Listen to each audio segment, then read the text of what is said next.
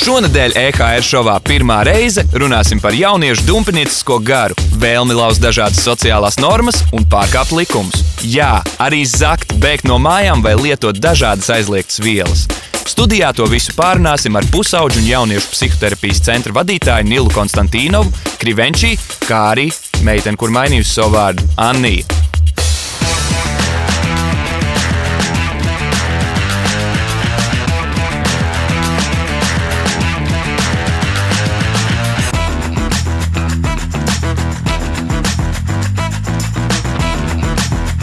Čau! Es sveicināts raidījumā pirmā reize, kur šodien mēs parunāsim par jauniešu dumpiniecisko dabu.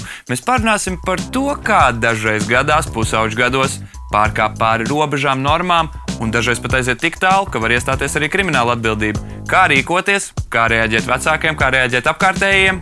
Nu, tad skatīsimies, kā mums ies mūsu diskusijā.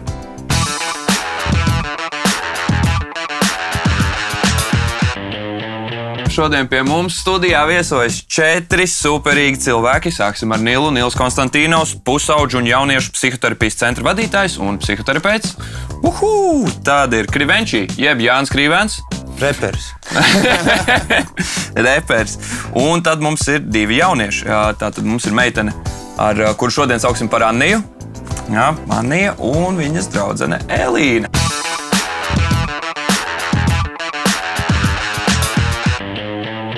Sveiki, man sauc Krenčī, un mana pirmā lieta, ko es izdarīju nelegāli, bija laikam, ka es iegādājos marihuānu 14 gadu vecumā no trīs tumsnējas ādas krāsas vīriešiem Ziepniekalnā. Kā tas izpaudās? Tad dabūju numuru no cilvēka, kas zina cilvēkus, tas sarunāja satikties satikšanās vietā.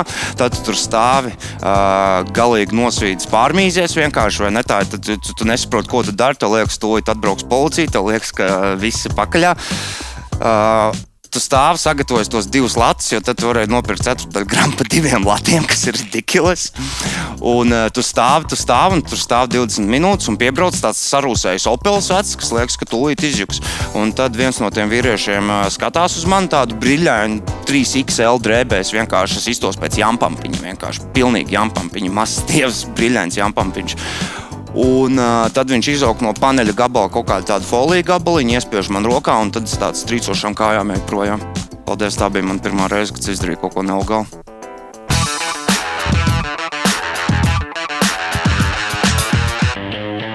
Jaunieši un it īpaši pusauģi ir, nu, rakstur, viņiem raksturīgi ir, raksturīgi ir tas, ka bieži vien sanāk būt dumpinieciskākiem nekā tad, kad mēs esam pieauguši vai tad, kad mēs esam pavisam maziņi. Un, vai tam ir kaut kāds iemesls, kādēļ tā notiek tieši tajā vecumā, kad mums ir 11. Es domāju, ka visdumpinieciskākie ir paši mazākie. Nu, reāli tie e, divgadīgie, trīsgadīgie, viņi ir superdumpinieciski. Vienkārši viņiem tas ķermenis vēl tāds, ka viņi nekur beigi to nevar sadumpoties, nevar nekādas nu, nepatikšanas sataisīt liels. E, bet, uh, Nu, jā, un tad nākamais periods ir tas pusauģis. Es e, īstenībā pēc pētījuma, pēc visas pieredzes, e, tas ir drusku pārspīlēts. Nu, tas, kā mēs piedāvājam, ka pusauģi, cilvēks ir pusaudzis, un tad viņš taisa problēmas, un tas ir viss. Vētra un ziņas. Nu, 19. gadsimtā izdomāja tādu jēdzienu, vētra un ziņas, lai aprakstītu pusauģu vecumu. Nu, realitātē daudziem pusauģiem, tās lielākajai daļai, tā pusaudzība ir mm, diezgan nu, tā ne, ne, ne, ne pārāk mm, iespējams bagāts laiks. Un, eh, un arī relatīvi konservatīvāk nekā citiem patīk iztēloties. Viņi eh, patiesībā pusauģi krietni paši pārspīlē to, cik daudz viņi nodarbojās. Vai viņi draugi piemēram, nodarbojas ar seksu vai lieto narkotikas. Visiem liekas, ka tā dzīve ir daudz krāsaināka nekā realitāte ir. Bet, protams, ka ir, nu, ir atsevišķi cilvēki, atsevišķi pusauģi, kuriem tas tiešām tā ir un aiziet nu, pāri visām tām līnijām. Un tas ir saistīts ar to, ka smadzenes tajā, tajā periodā ir vienkārši nu, tādā attīstības stadijā, kurā sevi grūti nokontrolēt. E, grūtāk, un ķermenis ir tāds, kuram šī it kā ir gatavs dzīvei smadzenes ne ļoti, eh, bet sociālā, sociālais stāvoklis vispār tā tāds nesaprotams. Nu, tas viss tāds kokteils eh, sajaucās un nu, reizēm var redzēt sprādzienu bīstamu situāciju. Protams, pusauģis vecums arī ir tas, kurā cilvēkam ir vislielākais risks eh, aiziet bojā, piemēram no visādām lietām, tostarp no traumām. Nu, tieši tā iemesla dēļ. Vai visiem jauniešiem gribas iet pret sistēmu, ja tā varētu saukt? Un, uh, Varbūt ir kaut kādi faktori, kas nosaka, kurš būs pakļāvīgāks, kurš, būs, kurš vairāk pieturēsies kaut kādām normām un kurš pilnībā norausies no ķēdes. Es skatos ļoti aizdomīgi uz pusaudžiem, kur ir pārāk kārtīgi, kuri vispār neko nedara, kuri ir paraugu bērni. Jo manā pieredzē tie cilvēki noraušies no ķēdes virs 30. Un tad, kad viņi noraujās no ķēdes kaut kādos 30 gados, pirmo reizi bez mazliet pamēģina kārtīgas tusiņas, pamēģina kaut kādas vēl nedod Dievs citas substances. Un tev ir finanses, tev ir resursi, tev ir viss priekš tā, tev viss sastājies pareizajās vietās. Tā kā, man liekas, ka labāk ir izdarīt visus tos sūdzes agrīnā vecumā, jo tad paliec mierīgāks. Ne? Jā, jā, loģiski. Nu, tāpēc tavs uzdevums ir aiziet no vecākiem, aiziet, atrast savu es, un to var izdarīt tikai pārkāpjot. Nu, tev ir jāatrod, tev ir jāaiziet ārpus robežām, tad tās robežas jāatrod. Ja viņas, nu, skaidrs, es domāju, tāpat vai nu viņš pēc tam 30 gados, vai arī viņš kaut ko ļoti tādu periodu.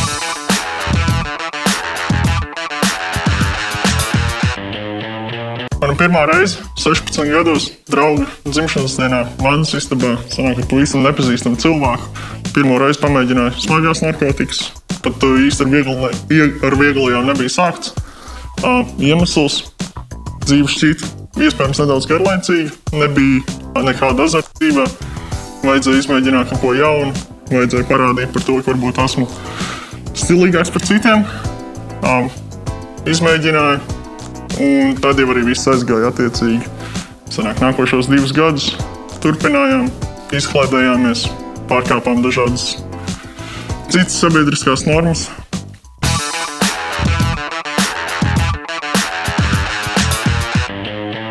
Kāpēc jauniešiem bieži vien ir grūti pieņemt uh, normas un kaut kādas robežas, un kādēļ gribās veikt to soli un pārkāpt un kaut kādā veidā izaicināt sabiedrību sev apkārt? Es domāju, arī daļai tā varētu būt pašizpausme. Jāmēģina kaut kādā veidā tomēr atšķirties no šīs sabiedrības. Redz, kā tagad ieeja Instagram. Uzreiz katram tur jāizdzīvo šī tik forša dzīve. Vienam tur, nezinu, viens ceļo, otrs glazno, un tam arī tur pēkšņi ar kaut ko jāizpaužās. Un, nu, ja nevar izpausties ar kaut ko tādu, varbūt var izpausties ar to, ka tu visvairāk dzer, piemēram, kaut kādā veidā mēģini tomēr izrauties no šīs tā ierastās daļas, parādīt par to, ka jā, es arī esmu atšķirīgs, ka man arī tur ir savas kaut kādas novirzes no parastā. Ir arī tā daļa, kas varbūt viņam nav mērķis īsti parādīt sevi no kaut kādas citas gaismas, ka alkohols vai citas kaut kādas vielas. Tas nav tas veids, kā viņi varbūt gribētu sevi parādīt, bet tas ir vienkārši vispārstākais peer pressure kad ir tu atrodies draugu lokā vai kaut kādā konkrētā kompānijā, kur, piemēram, visi cilvēki uh, dzer vai uh, dara kaut ko citu, un tad uh, tu vienkārši jūties, uh, ka tev būtu iedrīgi šajā situācijā to pašu darīt. Un, uh, Un tīpaši varbūt cilvēki, kuriem tie ir tā tādi vienīgie, tuvie draugi, tad tev tāds sajūta, ka tu tos draugus vari pazaudēt, ka tas nav īsti tas, ko tu pats vēlētos darīt.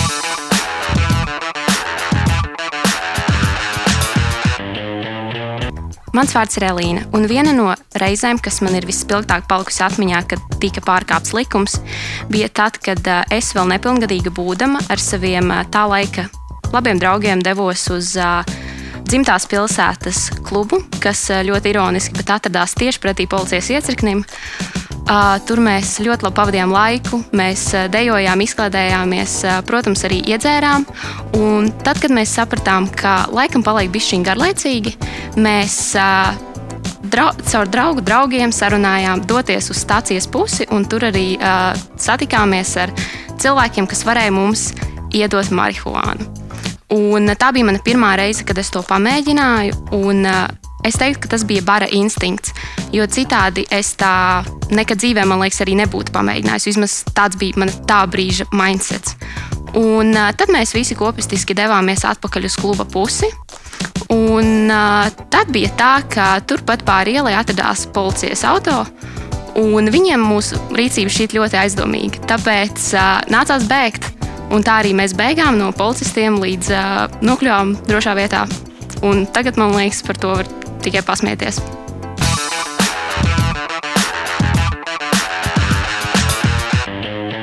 Kā varbūt jaunietim reaģēt šajā situācijā, ja viņš varbūt pats saprot to, ka hei, šis uh, nav labi, tas, ko es plānoju darīt, bet es būšu tur, nezinu, nestilīgs, atstumts, uh, mani apsmies, tad, ja, tad, ja es uh, nepievienošos kaut kādam piedzīvojumam. Tāpēc, ka, kad ir pusauģis tā drāma, no vienas puses vi, viņam ļoti svarīgi, kā pat jaunieci teica, būt citādam, būt oriģinālam. Un no otras puses, negrib, lai viņi nosauc līdzpusauģi par normiju. Tas ir sliktākais, kas var būt. Jā. Tas negrib būt jā, normijas. viņam ir jābūt kaut kā ārpus. Un no otras puses, viņš grib būt tieši tāds pats kā visi citi. Nu, viņam ir ļoti svarīgi būt tieši tā. Es domāju, tā ir, nu, tas viss konfliktē, protams. Eh, bet eh, ir tāds, ir, ir tāds superlabs pētījums, kurš to parāda. Ja pusaudzis iesēdina mašīnā vienu pašu, nu, tajās valstīs, kur tagad tiesības no 16 gadiem. Principā pusaudzis viens pats pie stūres brauc identiski tāpat kā pieaugušs cilvēks. Viss, ne. ja tu iesēdini otru pusaudzis tajā pašā mašīnā, momentāli kā, e, avārija reids palielinās nu, vairāk kā 100% reižu. Un, ja tur vēl iesēdina meiteni, piemēram, pie stūres, tad, tad, tad tas vēl e, nu, kā, ir jāsaprot, ka tās pusauģis smadzenes vibrē, ja tikko nonāk saskarsmē ar citu pusauģu smadzenēm. Nu, un pret to tur ir grūti cīnīties reizēm. Kā mums vajadzētu reaģēt uz kaut kādiem šādiem dumpinieciskuma brīžiem? Nu, vat, pieņemsim, Man ir bijušas situācijas, kurās es īsti nezinu, kā maniem vecākiem reaģēt uz to, kā es uzvedos, tad, kad man bija 14, 15. Un tajā brīdī vajadzētu strostēt, vajadzētu ieklausīties, vajadzētu, kādai būtu jābūt apkārtējo reakcijai uz šo dumpnieciskumu, kurš mūsos ir. Man liekas, vissvarīgākais, kas var būt, ja vecāks kļūst kaut kādā mērā par draugu uzticības. Zin, tam pusaudzim tas ir šausmīgi grūti, jo, piemēram, ja pusaudzis gribēs pastāstīt cenšiem, zinu, tur pamēģināja ekstāziju tajā tusiņā. Man īsti nepatika, bet es to izdarīju. Bija interesanti. Un, ja tur būs pilnīgi ārpus proporcijām tā reakcija. Bezmazliet, tu nekad vairs nesatiksi tos cilvēkus, tu vairs nekad nekur neiesi. Tu esi norādījis vispār jebkādas potenciālo nākotnes saikni ar to pusaudzi. Protams, tev nevajag viņam bāzt alu vai ne? Fucking rīklē un ļaut mājās varbūt visu laiku pīpēt. Bet, nu, Tā kā, man liekas, tā savstarpējā sapratne un uzticība svarīga. Jo plēlim nekas jau nav mainījies simtiem gadu laikā. Ja tu man jauc visu manu kredibilitāti, jo es reāli vienmēr eh, visur saku, ka vecākiem nedrīkst būt eh, pusauģu draugiem. Viņi nedrīkst ne, būt, ne, bet man tā liekas, es jau nezinu, varbūt tā ir. Ja, nu, vienkārši, ja vecāks kļūst par, es domāju, ka saprotu, ka tas ir par attiecībām. Jā, par attiecībām. Jā. Jo vienkārši, ja vecāks kļūst par pusauģu draugu, tad viņam ir vēl viens draugs, bet kurš ir viņa vecāks? Nu, tur. Jo tā, kādam tā, ir jābūt tajā brīdī, kurš var arī pateikt. A, tad var sadalīt, ja ir abi vecāki, tad viens būs draugs, viens būs vecāks. Sliktais un labais palicis. Jā, precīzi. Tā nevar sadalīt tādas lomas ģimenē. Man, piemēram, tā bija laikam, man liekas, ģimenē. Man sensis vienmēr bija tāds pielaidīgāks, tāds viņš, nu, viņš normāli, viņš normāli. Tad muči man sadeva riktīgi, kad sūdz darīja. Un kaut kā īstenībā tas strādāja, vai tas varētu strādāt tā, ja ir lomas. Jā, tikai parasti viņš otrādi. Man nē, nē, nav, nu, nav dzimums jau no svarīgs. Kā jums bija mājās? Jums uh, arī bija tā, ka ir viens labais, viens sliktais, vai abi divi stingri, vai abi divi kā draugi. Es savus pusauģu gadus izdzīvoju, nu, palielinājumā vienkārši dzīvojot kopā tikai ar mammu un brāli. Man tēta īsti nebija apkārt. Un, uh, tāpēc mamma bija diezgan stingra. Bet uh, es arī, viņa nekad īpaši tā ļoti, ļoti daudz neinteresējās par to, jo es citu acīs, es, it īpaši ģimenes un skolotāju acīs, vienmēr esmu bijis tāds paraugu bērns, tāds gudrais bērns. Tāpēc no sākuma pat mamma nenojauta, ka es varbūt daru kaut ko neatļautu, kaut ko, kas viņu varbūt varētu šokēt. Un tad, kad viņi uzzināja, tad.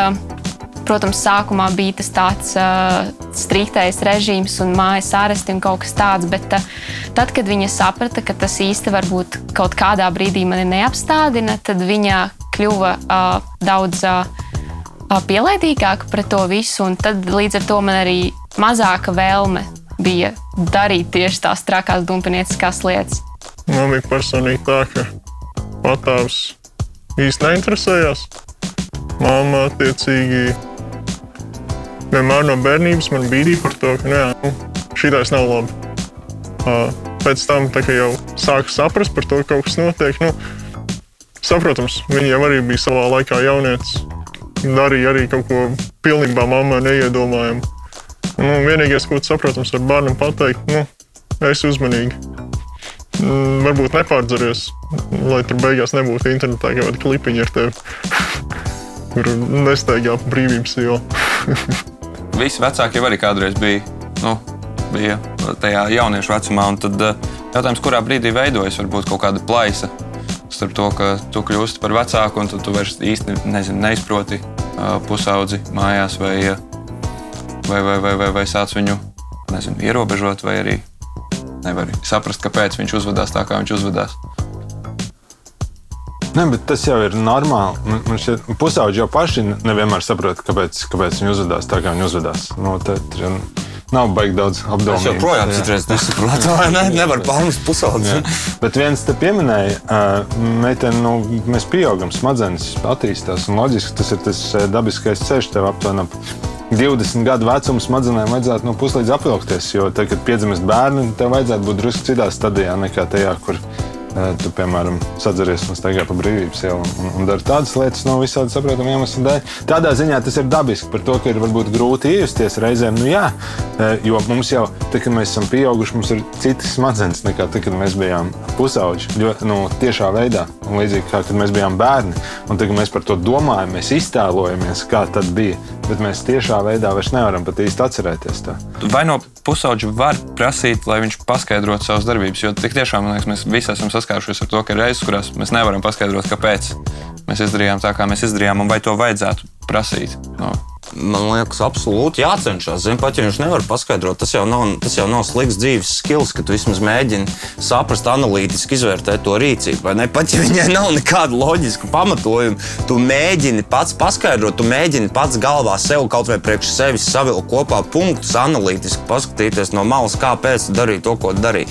Man liekas, ka jā, bet tas nav jāpagriež tā, ka slikt, sliktā nozīmē uzreiz paskaidro sevi. Bet, nu, Padomā, paskaties uz sevi no malas, zini. Tas nav slikti, tas jau labs dzīves skills novērtēt no malas, vai ne? To? Tas tāda self-reflektēšana, jā, reflektēšana, laikam tas ir īstais vārds. Reflektēt. Man tas gudri vecākiem to darīt, tas, tas ietaupa naudu psihoterapeitam. Jā, mērā, tas, ko mēs darām, atnāk pusaudzes, mēs domājam, tā, kāpēc to izdarām, kā tas bija, kāda situācija. Vai ne? Tas ir ļoti labi. Jā. Kas ir biežākās lietas, kur uh, jaunieši pārkāpj likumu, pārkāpj robežas? Vispopulārākais ir tas, kas ir visvieglāk pieejamais, un uh, pīpēšana ir absolūti numur viens. Nu, tas ir vienkārši. Jā. Un tad otrs ir alkohols, un trešais ir uh, zāle. Nu, tad vienkārši tāpēc tās ir visplašāk pieejamas lietas. Un tagad zāle sāk konkurēt ar Zanaksu un, un, un, un recepšu medikamentiem. Ja tagad ir pieejamas daudzas lietas. Nu, kā piemēram, cigaretes ir pieejamas, alkohols ir pieejams, pie marihuāna ir pieejams, gazanaks, viss pēc kārtas, viss pārējais. Vai ir iespēja to pamēģināt droši, vai to vajadzētu darīt. Pusauģa vecums ir labi piemērots nu, tādā ziņā visādām tādām lietām, tāpēc, ka ķermenis ir super izturīgs. Nu, to gan mēs droši vien no sevis atceramies. Pusauģa gados ir 16, 17. Redzīt, ir iemesls, Kā? kāpēc es nelietoju tādas lietas, ko agrāk lietoju. Ir iemesls. Nu, un, Davis, un ja mēs to tagad darītu, tad 35, 40 gadu vecumā, nu, teiksim, tas būtu viena reize. Un, tas, un viss, būtu, tas būtu traki. Tad pus, pus nedēļas darbā. Bet, bet skaidrs, ka ir, ka nu, no otras puses ķermenis ir spēcīgs, bet smadzenes ir vājas tajā, tajā brīdī. Tāpēc vajag atrast smalku robežu. Un, un iedot drošus veidus, un, un vienkārši pašiem jauniešiem arī iedot nu, tādu drošu info par to. Nu, kas, un varbūt kā, nesodīt kā viņus krimināli par to. Un tas, absolūti, jā, tas, ir, tas ir, man liekas, vislielākais ļaunums, ko var izdarīt. Īpaši, kā tev vispār, es nezinu, sorry, ka es haidžakoju, bet man ir jautājums, kā tu redzi to, kad pārbauda ar suņiem tagad skolās vai ne? Vispār bērns, kā pārbaudas suņiem, kā tu to redzi. Jo tikko bija vēl tas gadījums, kur kaut kur Vēnspīlī bija atrasts. Liepājāts bija. Mhm. Liepājās, sorry. Nu, tas jau ir tāds kā superstulba lieta. Nu, tas ir, tu ienāc skolā ar sunu, tu uzrādīji to sunu, cik 500 cilvēkiem, 10 no viņiem atrod veipus. Nu, ja, pirmkārt, tas ir ļoti nu, suņa laika izšķiešana. Un pēc tam iedomājieties, kā tie bērni redz policistus. Pēc tam jau sačakarē priekšstats par policiju. Nē, nē, protams, tāpēc tas, kas gan ir zināms, ka bērni nelieto narkotikas tajās skolās, pašā, kur viņi jutās droši un labi. Bet, protams, ja tavs skola ir tāda, kur tev nāk iekšā suņi un tev krata, tu nejutīsies tu droši un labi. Līdz ar to tā iespēja tev. Un otra lieta pie maniem ir bijuši šādi gadījumi. Tas gan ir ļoti slikti. Mm, tad ienāk tas suns, viņš kaut ko uzvož, izvelk ārā. Protams, ka skolotāji tajā nu, neorientējās, ko viņam tur izvilka veipu, heroīnu, šprici, vēl kaut ko. Un tas puika kļūst par narkomānu. Un pēc tam viņu tā arī sauc. Nu, skolotājs un, klās, un skolā viss runā. Tas ir tas narkomāns, kuram suns atrada. Nu, tur notiek, tas ir viena no sliktākajām lietām, ko var darīt. Kā vajadzētu risināt šādas situācijas? Vai šī brīža, tad es saprotu, ka reakcija uz kaut kādām lietām, kuras tiek atrastas pie jauniešiem, brīžiem ir neadekvāta. Jautājums, vai ir kaut kāds labāks variants, piedāvājums, kā vajadzētu reaģēt? Nu, nevajag to sunu laist iekšā skolā. to sākt. Suņiem nav vietas skolās, izņemot suņu skolās, kur viņus mācās, tur klausīt komandas.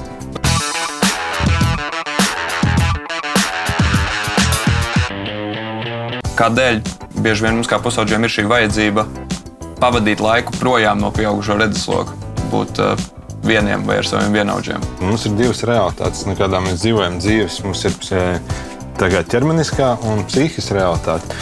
Un it sevišķi pusauģu vecumā viņas mēdz pārklāties, un, un psihiskā vajadzība ir atdalīties no vecākiem, nu, atrast sevi ārpus ģimenes lēnām.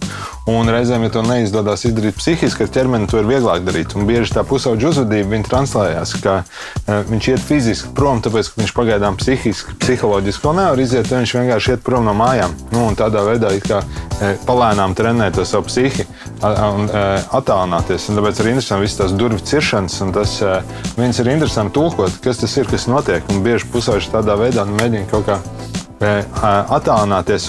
Tāds efektīvākais veids, piemēram, kā ja pusaudzis klaiņo pa ielām, kā viņu dabūt tuvāk atpakaļ mājām, ir vienkārši palīdzēt viņam attālināties psiholoģiski. Tad viņam nevajadzēs vairāk ar ķermeni iet prom no turienes. Tas principā ir protesta formas. Un, uh, Bieži vien šīs, šie protesti izpaužas arī kaut kādās subkultūrās, kur ja tieši pusauģu gados daudzi ir izmēģinājuši. Es zinu, to, ka man mājās draudzene ir izmēģinājusi būt par gotu vai par emo, kā to kādreiz sauc, tas, kas kādreiz bija populāri. Uh, vai tas ir veids, kā arī sevi Vai tas ir labi, vai tas ir slikti, vai to vajadzētu darīt, vai to vajadzētu ierobežot? Tas var ierobežot tas droši vien kādai grupai. Ja tur izvēlēsies piederēt ielas gangsteru, meksikāņu kaut kādai nažutai grupai. Droši vien to vajag ierobežot. Ja gotiem vai emot. Nē, bet tā ir ļoti dabiski lietot ar to pusaudzis meklē savu identitāti. Reāli tajā vecumā mēs līmējam kopā, kas mēs esam. Un caur tādām grupām nu, mēs, mēs tā kā piederam. Tribalizācija. Jā, jā, jā. Uh? Viss tā, nu, tomēr pusauģis dzīve ir relatīvi primitīva. Tādā ziņā nu, viņš meklē cilti. Jā, jā. Es, netiek, es neesmu ticis no savas subkultūras ārā joprojām. kaut kā paliku. Īsumā tur jau arī baigi radikāli gadījumi. Jo, nu, kur tie vēmoli goti vai kas, tā, kad ar viņiem parunā, viņi īstenībā ļoti forši cilvēki. Un, Jā. piemēram, aizēju uz reiviem, superīgākie cilvēki, ko esmu sastikusi. Tādā ziņā. Nu. Tās vismaigākie cilvēki ir heavy metālisti. No manas pieredzes viņi tādi ļoti, ļoti jutīgi un, un mentāli, emocionāli tādi apzinā, apzināti. Tikai jā, pilnīgi taisnība. Un droši vien, ka ir points tajā, ka tas ārējais tēls nu, kaut ko viņš mm, vai nu izpauž, vai tieši otrādi maskē, vai kaut kā ir skaidrs, ka kaut kādā ziņā vajag ļaut, lai jaunietis dzīvo savu dzīvi, meklē sevi, cerams, ka arī atrod sevi.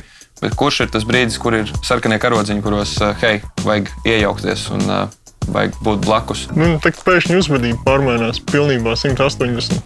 Nu, tad ir tas, ka kaut kas ir nocies. Vajag iet parunāt. Ja neizpauž nākamajā, tad varbūt kaut kādos savādākos veidos mēģināt nu, kaut ko noskaidrot. Jo, nu, nav vērts, ja, piemēram, aiziet, kā iet normāli hokeja. Jā, un tur arī saruna beidzās. Nu, man liekas, ka tas brīdis, kad vajag iejaukties, ir tad, kad vecāks varbūt pamana nevis varbūt tās lielās krāsās izmaiņas uzvedībā, bet varbūt tas, ka vienkārši jūt, ka tas jaunietis neciena īsti vecāku. Un, ja vēl paralēli tam nāk vēlā nākšana mājās un aizdomas, tad, jo man liekas, ka jebkurā gadījumā cieņai pret vecākiem ir jābūt pilnīgi visās dzīves situācijās. Un, ja tā nav viena reize, kad tu izjūti necieņas pazīmes, ja tā ir viena pēc otras, tad, nu, tad man liekas, tas ir tas brīdis, kur jāiejaucas. Nu, praktiski padomu vecākiem, kāda būtu, kā iesākt šo sarunu. Tagad ir uh, intervencija, visi tagad sasēdīsimies un uh, runāsimies, vai, uh, vai tam ir jābūt kaut kādai agresīvākai reakcijai. Kā būtu pareizi šajā brīdī mēģināt jaunieti dabūt uz atvērtu sarunu. Domāju, ka attiecības ir reāli tas zelta vārds. Man šķiet, ka vispār vislabākais ir tad, ja pusaudzim nav pašam jāmeklē izmisīgi un jādara kaut kādas lietas, lai vecāks beidzot pamanītu. Bet jā, tās attiecības ir tādas, ka pusaudzis var vēl pirms tam pienākt un, un to sarkano karodziņu pavicināt pats. E, un reizēm pusauģi, tāpēc, ka, protams, ka atkal nu, mūsos ir divas daļas. Viena ir tā, kas negrib, lai mūs pieķer, un otra tas kā e, servīts slepkavām, otra ir tā, kas grib, lai mūs pieķer. Tagad pusaudzis dara trakas lietas. Viņš no vienas puses grib, tomēr, lai kāds viņu savāc, lai kāds viņu tomēr pieliek pie vietas. Un reizēm tas izpaužās ļoti dramatiski. Bijuši tādi gadījumi, kad, piemēram, atnāk pusaudzis un stāsta, es, es, es, ats, es nometu cigaretes uz grīdas. Tikai es atstāju tukšu pudeli savā istabā.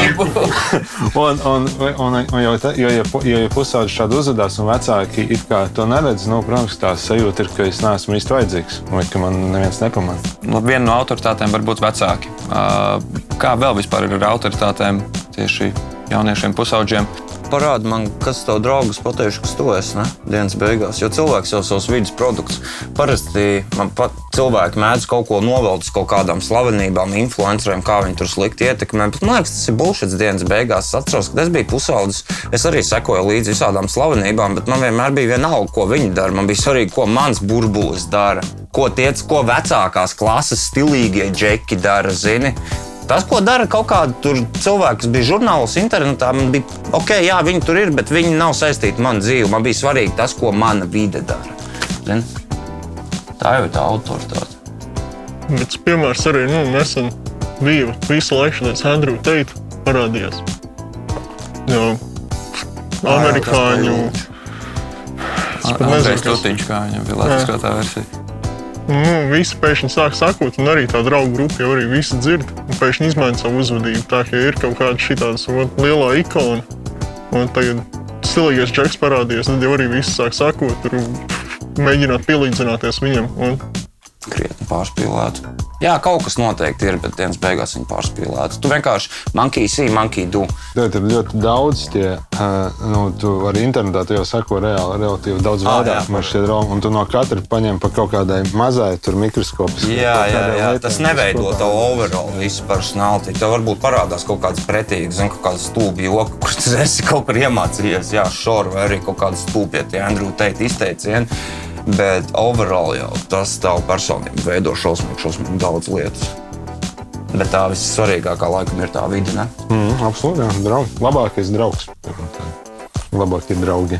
Tad par dumpnieciskumu runājot, ļoti forši, ka jūs esat uh, divi puiši, divas dāmas. E, jautājums, kā no? jums liekas, labākos draugus? Parasti vecāki saka, draugs var izvēlēties. Bet par lielam, vai tiešām man liekas, ka nevar? Man liekas, ka nevar vecākiem tas stulbais bullshit teiciens. Atceros, ka man teica, izvēlēties, ar ko draudzējies.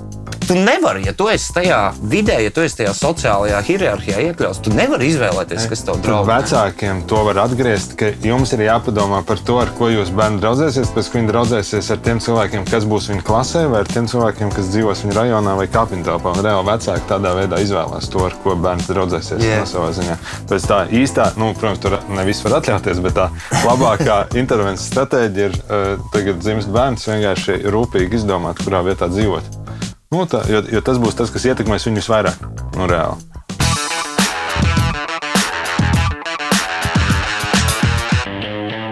brīžiem sajūtu to, ka uh, puikas dumpojas vairāk nekā meitenes. Vai tas ir mīts, vai tā ir uh, realitāte, vai tam ir kaut kāds pamatojums, vai ne visai.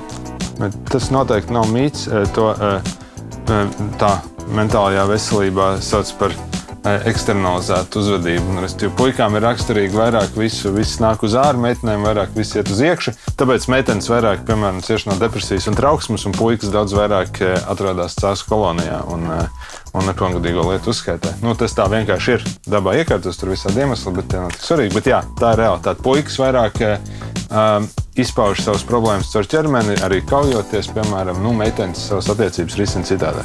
Tas dumpnieciskums ir, ir ļoti forša enerģija. No vienas puses, jo tad tev ir brīdis, kurā tev ir ļoti daudz enerģijas. Un jautājums, vai ir kaut kādi veidi, vai atkal praktiski padomi, kā to enerģiju materializēt labās formās, to, ka tas ir noderīgi ilgtermiņā. Nevis klaiņojam un meklējam, bet vai ir iespējams to uzreiz darīt kaut kādā ziņā produktīvi, vai vecāki var kaut kā tam palīdzēt, vai draugi var kaut kā tam palīdzēt. Man liekas, viens praktisks ieteikums ir, es varu salīdzināt sevi. Es esmu pēc dabas ļoti spītīgs. Es bieži vien izdarīšu kaut kādas lietas vienkārši spīta pēc. Un, uh, ko es varu ieteikt jaunietim, ir, ja tu arī esi spītīgs, ja tev arī ir tas, kā, ja tu zini labāk, tad pierādi, ka tu zini labāk, uztaisi kaut ko rīktīgi, rīktīgi krūti, vienalga kāds būtu materializē to, veido, vai, vai tā ir mūzika, vai tā ir māksla, vai tā ir YouTube video filmēšana, vai tā ir metināšana, da jebkas, pilnīgi jebkas.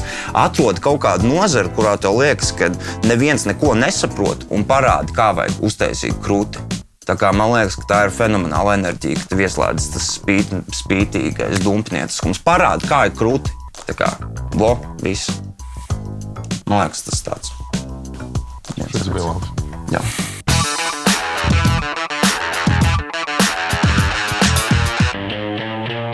Ar to arī noslēdzam šīs nedēļas epizodi.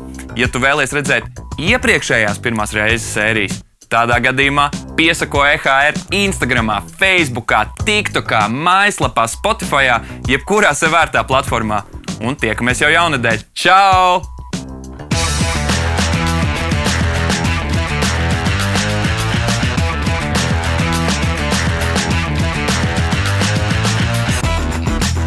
Pirmo reizi skaties EHR YouTube kanālā vai EHR.FM sadaļā podkāstu. Raidījumu finansē Mēdīļu atbalsta fonds no Latvijas valsts budžeta līdzekļiem. Par raidījumu pirmā reize saturu atbild EHR.